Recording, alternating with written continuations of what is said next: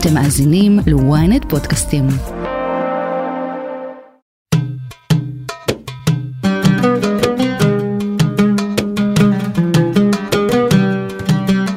אז אה, בתחילת השנה ההורים שלי ביקרו בדובאי, כמובן אכלו במסעדות פאר, נסעו בג'יפים על דיונות החול, הזהוב, ביקרו במלון הגבוה בעולם, ממש כל החבילה. איזה כיף זה הסכם נורמליזציה עם מדינות המפרץ. עכשיו מדברים על הסכם נורמליזציה עם סעודיה? וואו, אולי נוכל ללכת לראות את רונלדו משחק בליגה הסעודית, כשנניח עומר אדם יושב לצדנו באיצטדיון? אבל מאחורי החלום הזה עומד סיפור הרבה יותר מורכב שמכיל בתוכו כוח גרעיני חדש, ויתורים לפלסטינים והרבה הרבה הרבה נפט. אני טל זרביב וזאת הכותרת.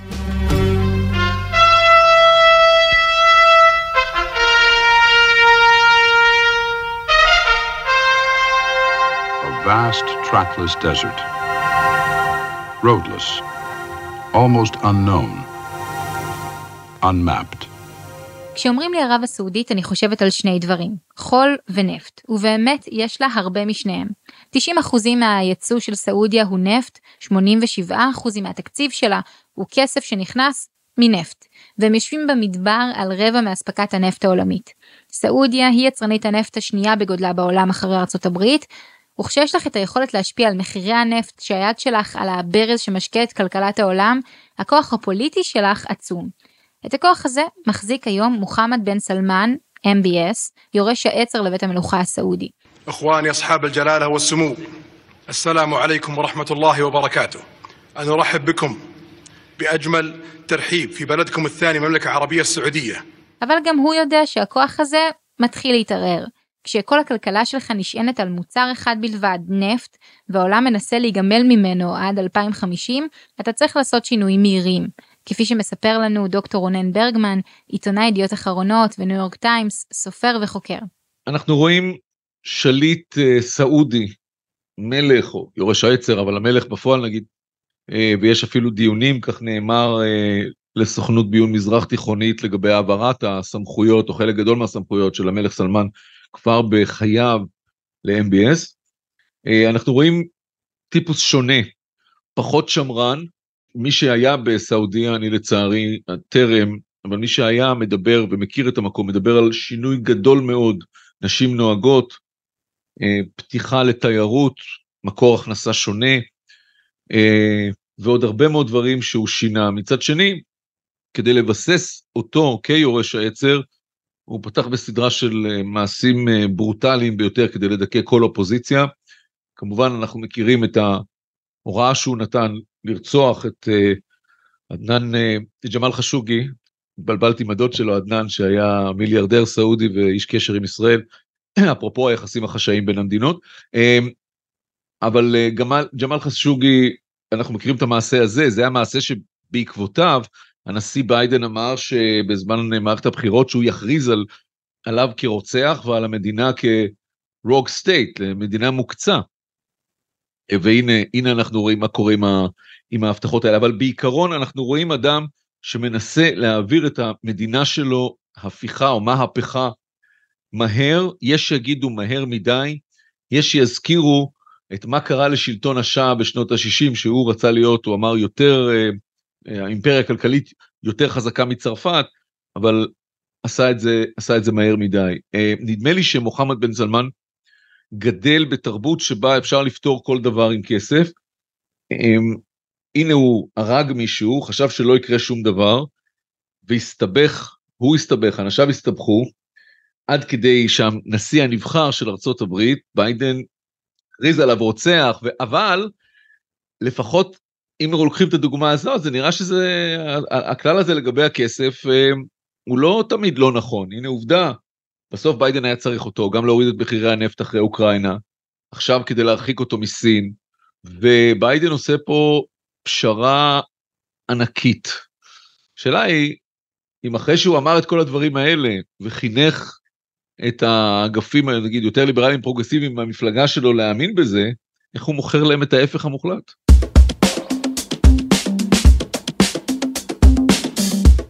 בואו נדבר על יחסי ארצות הברית וסעודיה. יחסים שעוד התחילו לפני 90 שנה, כשסבא של מוחמד בן סלמן יצא לחפש נפט יחד עם שני גיאולוגים אמריקאים, ומצא את השדה הגדול בעולם חמש שנים אחר כך. His Majesty Abdul Aziz Ibn Saud, King of Saudi Arabia. He had faith that somewhere within these far-reaching sands was the key to a richer life for the Saudi Arabs who so long city and want. And then, at Dammam, it happened. Oil in commercial quantities had been brought in after three long, discouraging years. This was the goal toward which they had striven. This was the victory that faith and sweat had bought. וככה התחילה המשוואה, נפט מסעודיה תמורת ביטחון מארצות הברית הגדולה. הגנה מאיראן השיעית, הגנה מעיראק של סדאם, ובשנות ה-90 האמריקאים יוצאים למלחמת המפרץ, כש-33% מאספקת הנפט שלהם סעודית. Just two hours ago, Allied air forces began an attack on military targets in Iraq and Kuwait. These attacks continue as I speak. Ground forces are not engaged. אבל בואו נחזור להיום. בתקופת הנשיא אובמה היחסים של ארה"ב עם סעודיה היו בשפל בעקבות הפגיעה החוזרת ונשנית בזכויות אדם על ידי הממלכה, והאמריקאים התחילו לצמצם מעורבות במזרח התיכון. בתקופת טראמפ היחסים מתחממים, היה רומן קצר, ואפילו ביקור נשיאותי משמח עם ריקודים וחרבות. The Crown Prince of Saudi Arabia, a friend of mine, a man who has really done things in the last five years in terms of opening up Saudi Arabia. I want to just uh, thank you on behalf of a lot of people, and I want to congratulate you. Uh, you've done really a spectacular job. והיה גם את הרצח של חשוקג'י, כפי שברגמן הזכיר, רצח שזעזע את העולם, אבל טראמפ לקח אותו די בקלות. With respect to the murder of Khashoggi, I raised it at the top of the meeting, making it clear what I thought of it at the time and what I think of it now. And it was exactly, I was straightforward and direct in discussing it. I made my view crystal clear. ואז נבחר ביידן, ושוב היחסים מידרדרים, אבל ב-2022 הוא נאלץ להתקרב לסעודיה מחדש. אז uh, כנראה ש-MBS עשה לביידן את האימא של התרגילים. אנחנו זוכרים שהוא הבטיח לו משהו לגבי מחירי הנפט כשהוא היה בביקור אצלו, אגב ביקור שבו MBS עשה באמת מאמצים לא לתת לנשיא האמריקאי את הכבוד המגיע לו, הבטיח לו דבר, לא עמד בהבטחה, ולא רק שלא עמד בהבטחה, אלא כשהוא הבין שארצות הברית מסרבת לתת לו את הדרישות הביטחוניות הצבאיות שלו, עסקת נשק וכל מה שקשור לגרעין אזרחי, כך הוא אומר אזרחי, אה, אז הוא עשה מין פניית פרסה כזאת נחשונית כלפי סין. שי היה אצלו בביקור, באמצעות הסינים הוא תיווך עסקה עם איראן לסוג של סולחה. אה, שורה של צעדים שמאוד מאוד או העלו חששות חמורים גם אצלנו, אפרופו סין ובעיקר, אפרופו איראן ובעיקר בארצות הברית, אפרופו סין. ואז פתאום העסק מתהפך מחדש. בישראל אומרים, אנחנו הופתענו מהמגעים האלה. פתאום אומרים לנו שג'ייק סאליבן, היועץ לביטחון לאומי בבית הלבן, בדרך לריאד אה, ולפגישה עם MBS כדי לנסות ולראות איך הם בכל זאת פותרים את הדבר הזה. ומאחורי הקלעים ברגמן זה כבר כמה שנים שישראל וסעודיה מקיימות יחסים חשאיים. כן, אז קודם כל בין ישראל לבין סעודיה לא היה, אין, אין בינינו, זאת אומרת, אין, זה, זה מדינה שהוגדרה עד uh, לפני כמה שנים כמדינת אויב. והיא הופסקה חלק מההגדרה שלה כמדינת אויב פשוט כדי uh, לא לחייב את נתניהו לחתום כל פעם על אישור נפרד, כי אחרת זאת עבירה, לכל עובד של NSO שנסע לשם כדי להתקין את הפגסוס.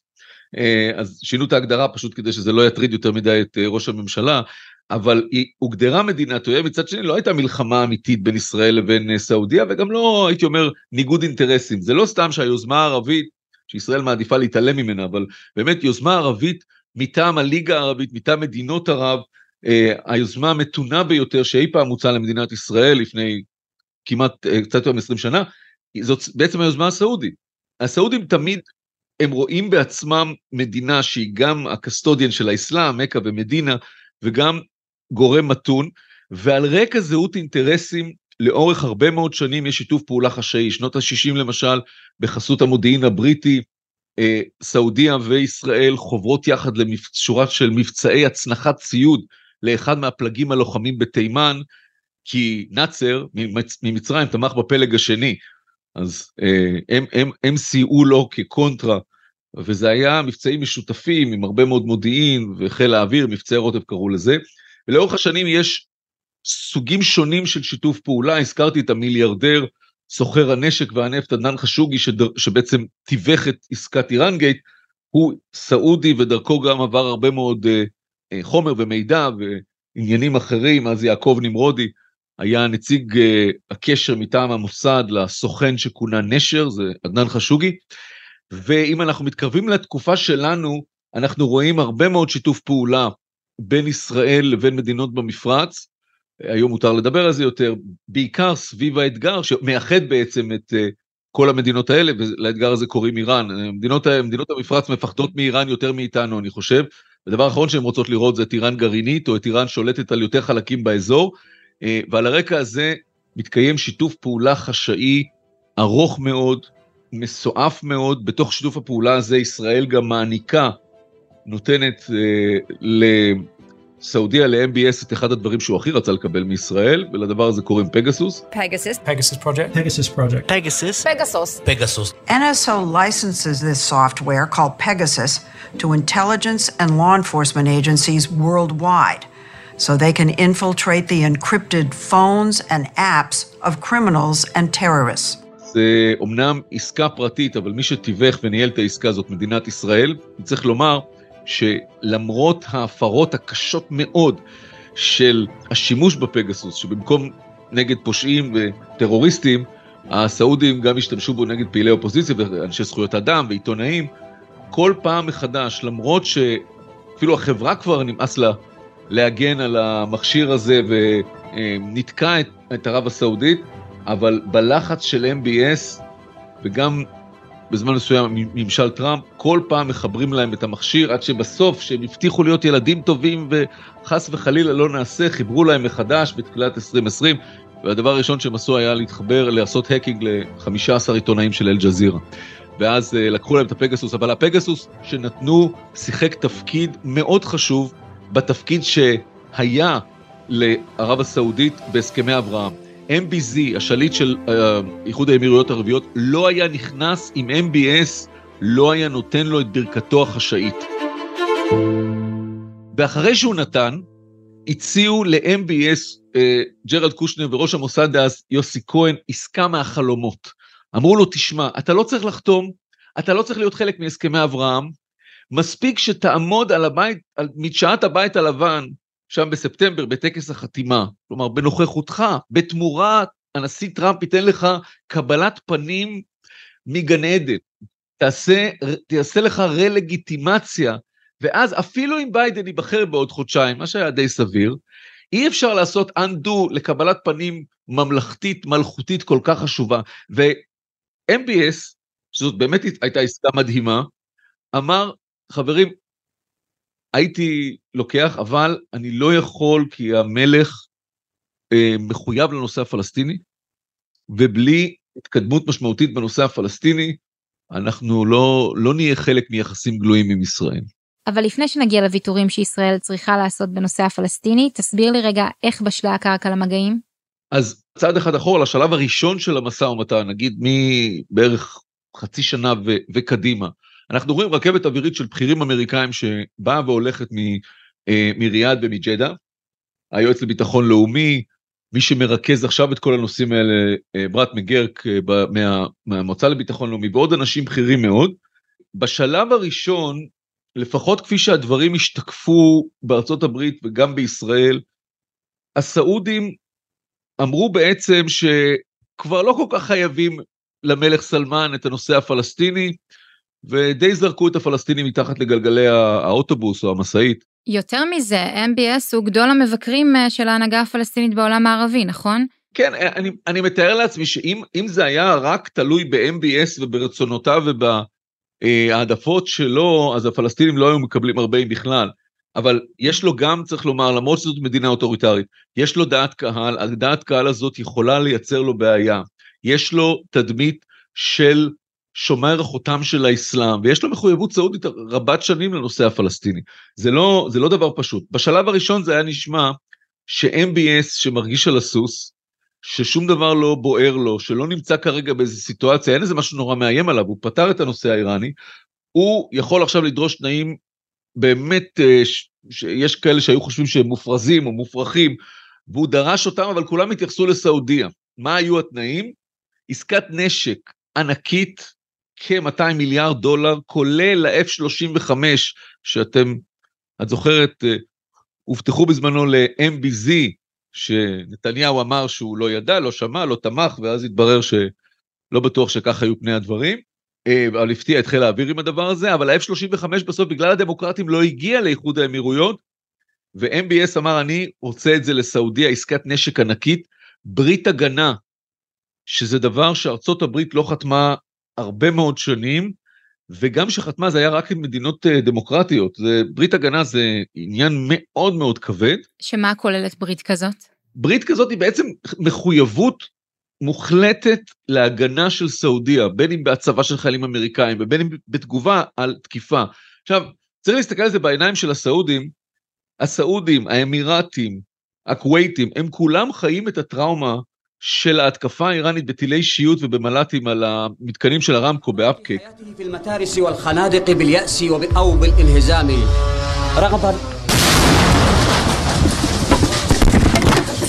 Smoke rises over the Jeddah skyline. The apparent target, the massive oil complex on the outskirts of the city. Saudi authorities confirmed what they called a hostile operation. Over a period of several hours, there were also reported strikes in a number of other Saudi cities. The Houthi rebels based in Yemen claiming responsibility. זאת אומרת, הייתה, זה בטראמפ, זה באמת טראמפ, הניצי, כן? הייתה התקפה מטורפת. ההגנה, ההגנה הסעודית פשוט לא יכלה לה, גם לא תפקדה כל כך טוב, והם פשוט שטפו בברד של אש את המתקנים האלה, ומה ארצות הברית עשתה אחרי זה? שום דבר. וזה השאיר אצלם קביעה עמוקה, ואני חושב ש-MBS החליט לשריין את עצמו מכל הכיוונים, גם נשק סופר משוכלל, גם F-35 עם כל היכולות, גם ברית הגנה, וגם, וזה אולי הדבר בראייתה של, או בראייתם של גורמים בישראל, הכי הכי בעייתי, כי הרי לגבי ה-F-35, עסקת הנשק, יש את מה שנקרא ה-quality military edge, זאת אומרת, השמירה על היתרון האיכותי של מדינת ישראל, ועד כמה השמירה הזאת נפגעת, והיא נפגעת, בגלל העסקה הזאת, אם היא תיחתם. אבל מה ש-MBS דורש, זה גם העשרה השארת אורניום על אדמת סעודיה. עכשיו הסעודים אומרים, אנחנו יש לנו המון עופרות אורניום, אנחנו רוצים להשאיר אותם כדי לעשות מזה כסף. זאת אומרת, לייצר עוד מקורות לכסף שיגיע אלינו, וחוץ מזה הם אומרים, אנחנו מחכים לימים שיגמר לנו הנפט ואנחנו רוצים לייצר אלטרנטיבה. זה גם מה שאיראן אמרה תמיד, ותראו לאן זה הוביל אותנו.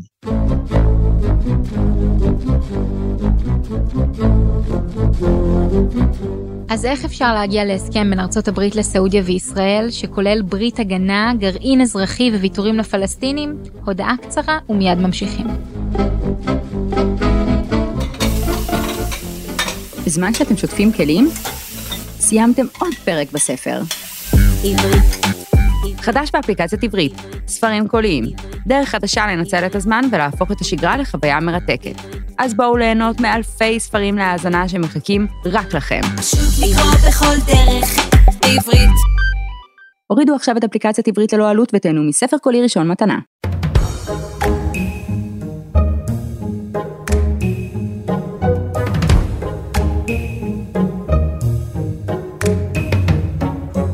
איראן נמצאת במרחק שבועיים מהשערה של אורניום בכמות ובדרגה מספיקה לפצצה אם היא רוצה. ולמרות שאותנו זה מפחיד, זה מאיים לא פחות על הסעודים, שחוששים מהשלטון השיעי שעוטף אותם מסביב. סעודיה ואיראן מנהלות מלחמת פרוקסי בתימן, ובעבר גם בסוריה, לוב ומצרים, ואפשר להבין למה הם רוצים גרעין אזרחי. אז יש כאלה, הציניקנים יגידו, זה כן עניין מול מדינה באזור, אבל לא מול איראן, זה דווקא מול MBZ. MBS ו-MBZ כבר לא כאלה חברים, הם הסתכסכו קשות, mm-hmm. ויש כאלה שאומרים ש-MBS רוצה כמובן להראות לאיראנים ולבסס את מעמדו כמעצמה גרעינית, או לפחות אה, מדינת סף באזור, אבל חוץ מזה הוא רוצה להראות ל-MBZ שהוא מקבל את כל מה שההוא לא קיבל מהאמריקאים. ולהוריד את האמריקאים על, על ארבע, אפרופו הנקמה וכל הדברים שביידן אמר עליו.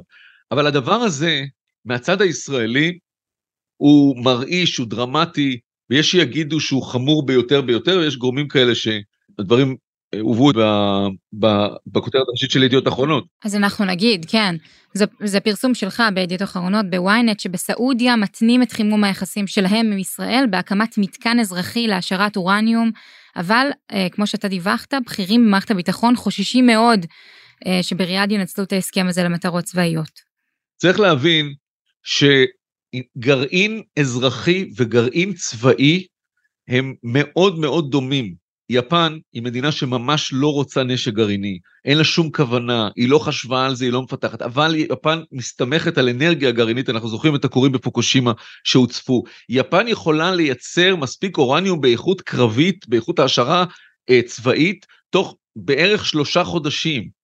פשוט כי הדברים האלה נורא דומים אחד לשני, ומאוד קרובים אחד לשני, ולכן עצם זה שסעודיה לא רק מסתפק, היא רוצה גם כורים, אבל היא לא מסתפקת בכור, נגיד לייצר חשמל, אלא היא לא מוכנה לקבל את הדלק לכורים ממקום אחר, רוצה לייצר את זה בעצמה. הדבר הזה לבד נותן להם ידע, מכשור והבנה עמוקה ותרגול באיך לייצר ולהתקרב מאוד לפצצה. עכשיו, יש על זה, יש פה סכנה, ישראל תמיד אמרה, אחת, אחת הסיבות שאנחנו לא רוצים שלאיראן יהיה את זה, זה כי אחרים ירצו, סעודיה, הנה זה קורה. הרי הסעודים יעשו את זה, אז המצרים יעשו את זה מיד אחריהם, וכל הנושא של פרוליפרציה במזרח התיכון הופך לפרוע לחלוטין. ולא רק זה, אי אפשר לדעת מי יהיה שם מחר. ב-1977 ישראל חתמה על עסקה עם איראן, שהיא תמכור לאיראן, הם ייצרו ביחד, אה, במפעל באיראן, בכסף איראני ובידע ישראלי, טילי קרקע קרקע לטווח ארוך שיכולים לשאת חימוש גרעיני. אם חומייני היה עולה לשלטון שנה אחרי זה, גם היה לו את הטילים האלה שישראל נתנה לו. זה, המשטרים האלה יכולים לקרוס, ואפילו MBS הוא לא ידוע בתור האדם הכי יסיב, הוא יכול הרי מחר להתהפך על האמריקאים ולהעיף את הפיקוח. לגמרי. חריף ככל שיהיה. עכשיו כל זה נורא נורא מסובך, וזה עוד לפני שנכנס העניין הפלסטיני, שזאת הייתה השאלה ששאלת אותי. רגע, אז עוד לפני העניין הפלסטיני אני רוצה לגשת למה שמטריד את מערכת הביטחון. הרי גורמים ישראלים מסתכלים על התנאי הזה של הסעודים וחוששים שנתניהו עלול להיכנע לו. כן, צריך לשים את הדברים בקונטקסט של, ה, של הרגע. אני חושב שבמערכת הביטחון, או אם, אם היה עולה פה עכשיו נגיד אחד מהטייסי המילואים, אה, והיית שואלת אותו שהפסיק לשרת במילואים, היית שואלת אותו מה אתה מרגיש, אז הוא היה אומר, הדבר הרבה יותר מפריע מאשר עצם העניין הזה של עילת הסבירות, זה שאלת האמון. אין לנו אמון בממשלה הזאת, הוא יגיד. עכשיו, זה לא שראשי הוועדה לאנרגיה אטומית, או חלקים אחרים במערכת הביטחון, זה מה שהם אומרים. אני חושב שיש פה התערערות של האמון, ולפיכך אה, מחשבה שיכול להיות שנתניהו יקבל החלטה שמאוד מתאימה לאינטרסים הפוליטיים שלו, זה הרי יכול באמת להיות קרש ההצלה הלא יאומן, דאוס אקס מקינה, שיחלץ אותו מהדרך ללא מוצא שהוא נמצא בה, והחשש שזה ייעשה, למרות שזה מנוגד, ניגוד בוטה למדיניות של ישראל לאורך כל השנים, אה, ולמדיניות של נתניהו עצמו. דני קושמרו, אחרי הפרסום שלנו, אה, דני קושמרו שאל, שאל את אה, אלי כהן, את שר החוץ, מה אתה חושב על ההשערה הסעודית?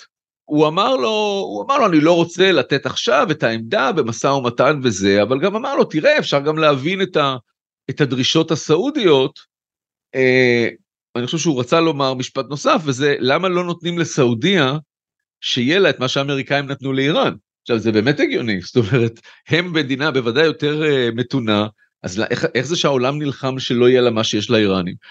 אז מהצד שלהם הם צודקים, אבל גם מהצד של ישראל, אלה שחוששים פה שהדבר הזה יגדיל בחזקות את הבעיות שיש לישראל בנושא הזה, וצריך לזכור עוד דבר, הסעודים אין להם פרויקט אה, גרעיני, לא צבאי ולא אזרחי, אין להם דברים כאלה, יש להם כור גרעיני מחקרי אחד, אבל יש להם עבר גרעיני לא, לא, הייתי אומר, לא מצטיין. יש ידיעות מודיעיניות רבות על זה שהם מימנו את הפרויקט הפקיסטני, בתמורה לזה שבשעת הצורך הפקיסטנים יעבירו אליהם חלק מהנשק. יש אינסוף חומר על זה שפקיסטן, יש לה תוכניות לפרוס טייסות F-16 עם פצצות במקרה וצריך, ויכול להיות שאפילו להעביר אליהם חלק מהנשק אם האמריקאים ניסו לקחת, אה, ינסו לקחת מהפקיסטנים את זה שלהם. בקיצור, יש הוכחות לזה שהסעודים לאורך השנים, כחלק מהרצון שלהם להיות אה, אה, מעצמה אזורית, אה, חשבו, הרהרו, פעלו בנושא של נשק גרעיני, זה כמובן משליך על מה שהם יעשו עם אה, אותו, אותו מפעל העשרה.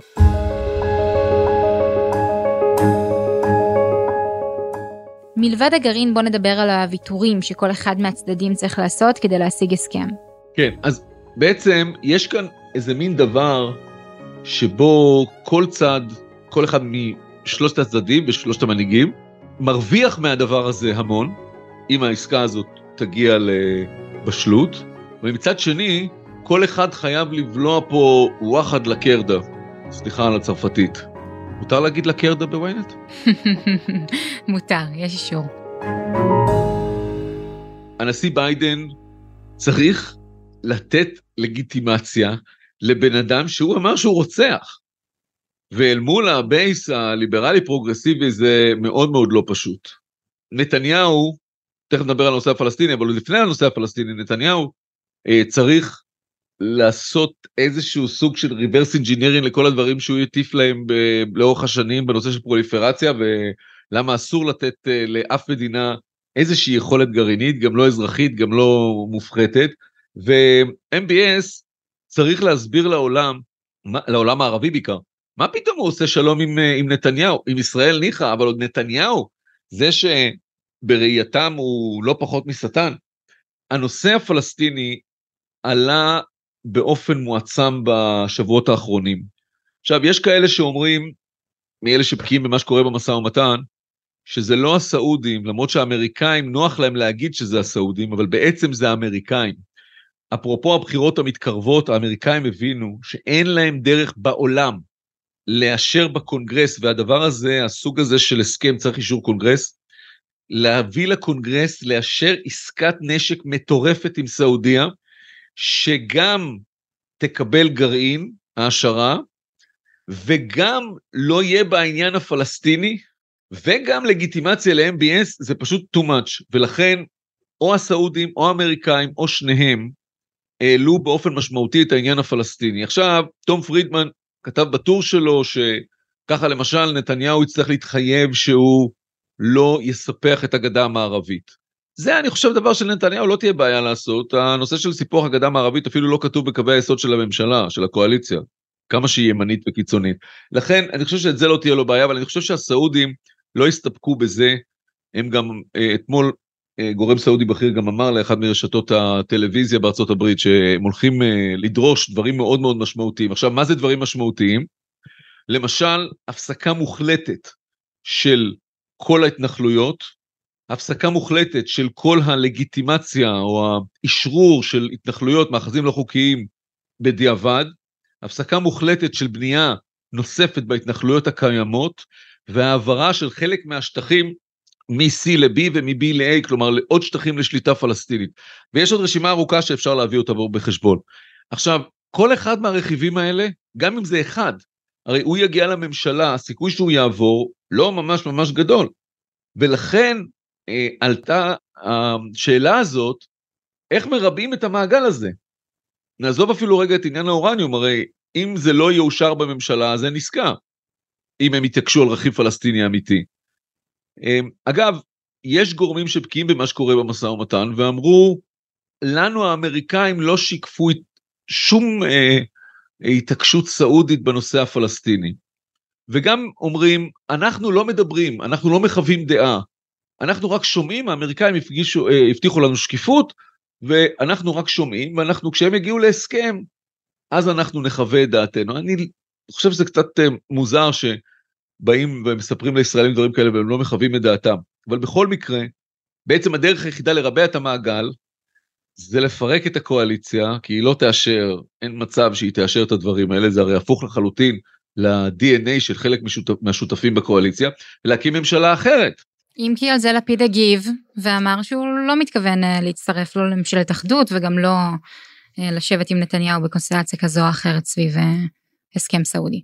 ושאם ההסכם יגיע אז יכול להיות שהם יתמכו בו מבחוץ אבל בתלוי הוא גם את זה לא הוא גם אומר זה גם לא אוטומטי, כי הוא מתנגד חריף מאוד מאוד מאוד להעשרה אה, סעודית. אה, עכשיו, אנחנו גם פרסמנו שבתשובה לשאלה של גורמים אמריקאים, היו גורמים מהאופוזיציה ששאלו האם יכול להיות שהסירוב שלכם בזמן שההסכם עם סעודיה יהיה תלוי בזה, והרי מאוד רוצים, כולם הסכם שלום עם סעודיה, שאלה רק באיזה תנאים, אז שאלו האם יכול להיות זה ישנה את דעתכם להיכנס לממשלה עם נתניהו, והתשובה הייתה תשובה לחלוטין לא.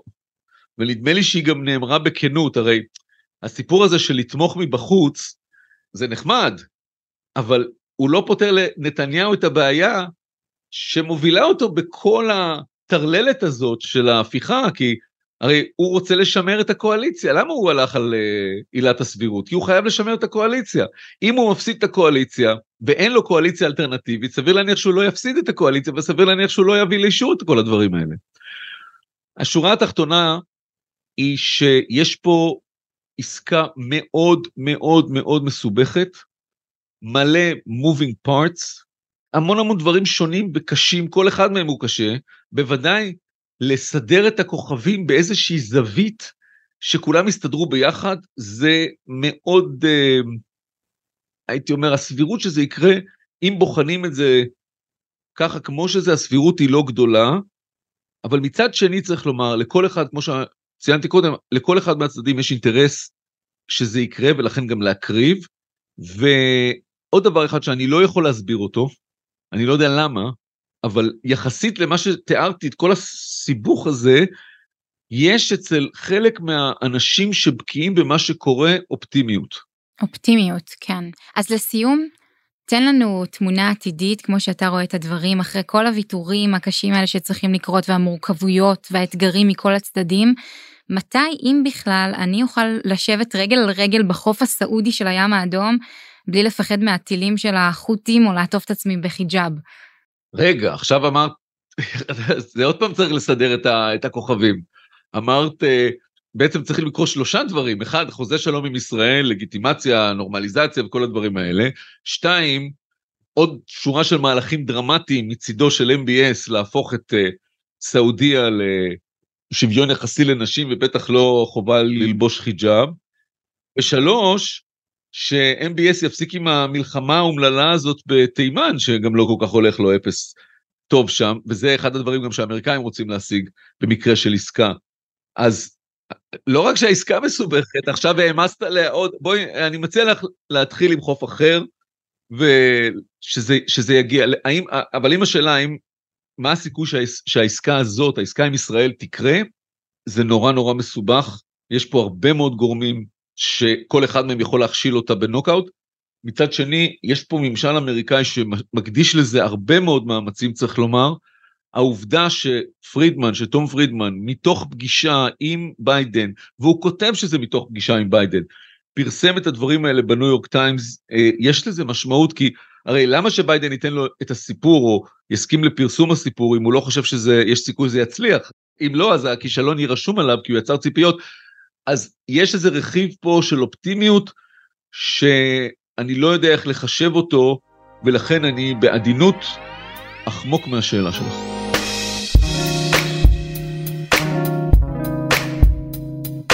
טוב, נאמץ עלינו את האופטימיות הזאת, אתה אומר שאתה לא טוב אה, בעתיד, אתה טוב מאוד בהווה. רונן ברגמן, תודה רבה. תודה, היה לי לעונג.